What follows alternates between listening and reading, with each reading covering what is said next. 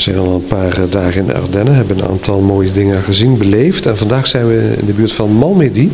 Daar is kort geleden een helemaal museum gemaakt. Een museum over de Tweede Wereldoorlog in Bonnier.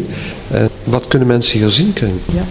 ja, dus het is voor alle musea, dat is gebouwd worden voor nu drie jaren. En het is ja, staat in samenhang met de Tweede Wereldoorlog, maar vooral met de zogenaamde Ardennenoffensieve. Dat heet aan het einde van de Tweede Wereldoorlog in de maand december 1944 heeft Hitler een tegenoffensieve uh, begonnen.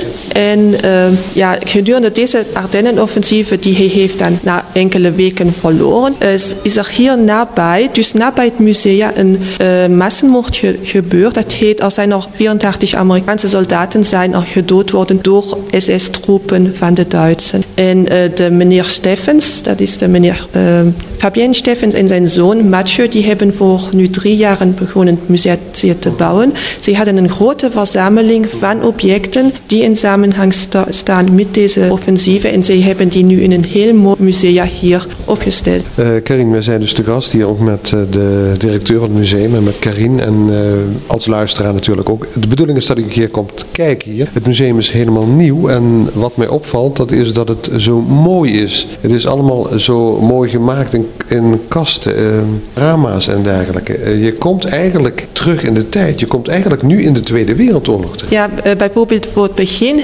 Wij beginnen met de maand september 1944, waar de Amerikaanse troepen binnen zijn gekomen. De mensen waren natuurlijk gelukkig dat ze bevrijd werden door de Amerikaners. En wij hebben bijvoorbeeld in India, waar een kind uh, maakt kennis met chocolade, met schwing ook met Coca-Cola, dat waren zo alles nieuwe producten die ook voor de kinderen iets nieuws waren. En de Amerikaners zelfs, die hadden gedacht, het zou dan vlug voorbij zijn. Ze hadden nog Duitse grens over te stappen om de Rose te bereiken, maar ze hadden natuurlijk niet gedacht dat Hitler nog eens zou proberen een tegenoffensieve te starten. Maar dat is dan in geheim gebeurd. En het was uh, voor onze streek vooral uh, uh, was het een groot ongeluk, omdat er vele dorpen zijn ja, volledig vernield worden worden. Bijvoorbeeld St. Vith, uh, Malmö, die is sterk vernield worden. Het zijn er dorpen als Rochraad, die zijn er volledig vernield worden. Er stond geen huis meer waar, de mensen nog konden wonen na deze Ardennenoffensieve.